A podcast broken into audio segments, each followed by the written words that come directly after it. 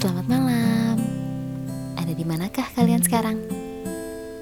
Sejauh manakah kalian sudah menapaki arah menuju mimpi-mimpi kalian? Apakah sedang di jalan bebas hambatan atau di jalur penuh liku pegunungan? Atau sedang berada di persimpangan yang penuh dengan kebimbangan? Kali ini kami ingin berbagi pengalaman dan pemahaman kami tentang perjalanan menggapai impian. Kita mulai dari biru ya.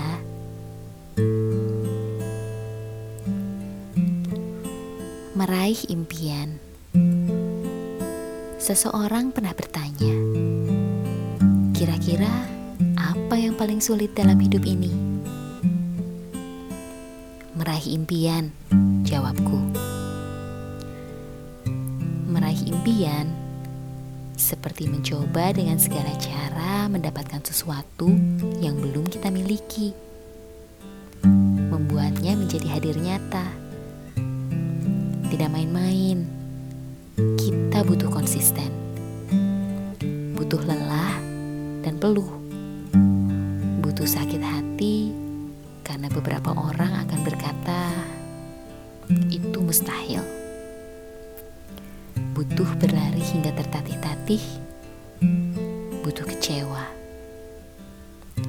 butuh takut, butuh jatuh, butuh pasrah. Butuh doa, butuh bangkit. Hingga mimpi itu lelah sendiri untuk menghindar.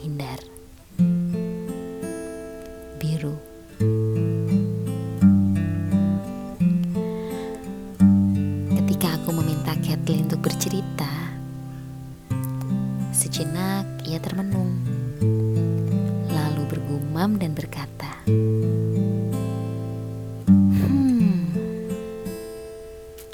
impian ya. Topik yang paling asik untuk dibahas. Karena impian itu sesuatu yang tidak akan berhenti. Hal yang membuat kamu terus termotivasi untuk melakukan ini dan itu. Impian dan kamu memang ditakdirkan untuk saling mengejar. Kata siapa mudah? Semuanya butuh usaha yang keras dan keinginan yang kuat. Harus tetap bangun walau jatuh berkali-kali. Jangan dengarkan apa kata mereka. Hidup ini cuma punya kamu kok. Mereka hanyalah rintik-rintik hujan yang membasahimu. Kata siapa juga kamu boleh menyerah. Pelangi kan memang datang sehabis hujan. Bukannya kamu memang harus bersakit-sakit dahulu. Mungkin ini terdengar tua atau membosankan. Tapi kalian harus ingat loh, usaha itu tidak akan mengkhianati hasil. Dan ayo terus maju.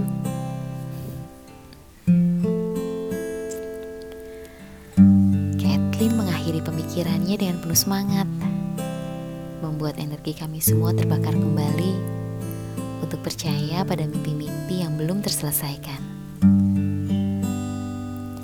Aku pribadi selalu menyukai percakapan tentang asa. Menatap mata-mata yang berbinar, berkilau dengan begitu cemerlang. Membawa aku terhisap ke dalamnya.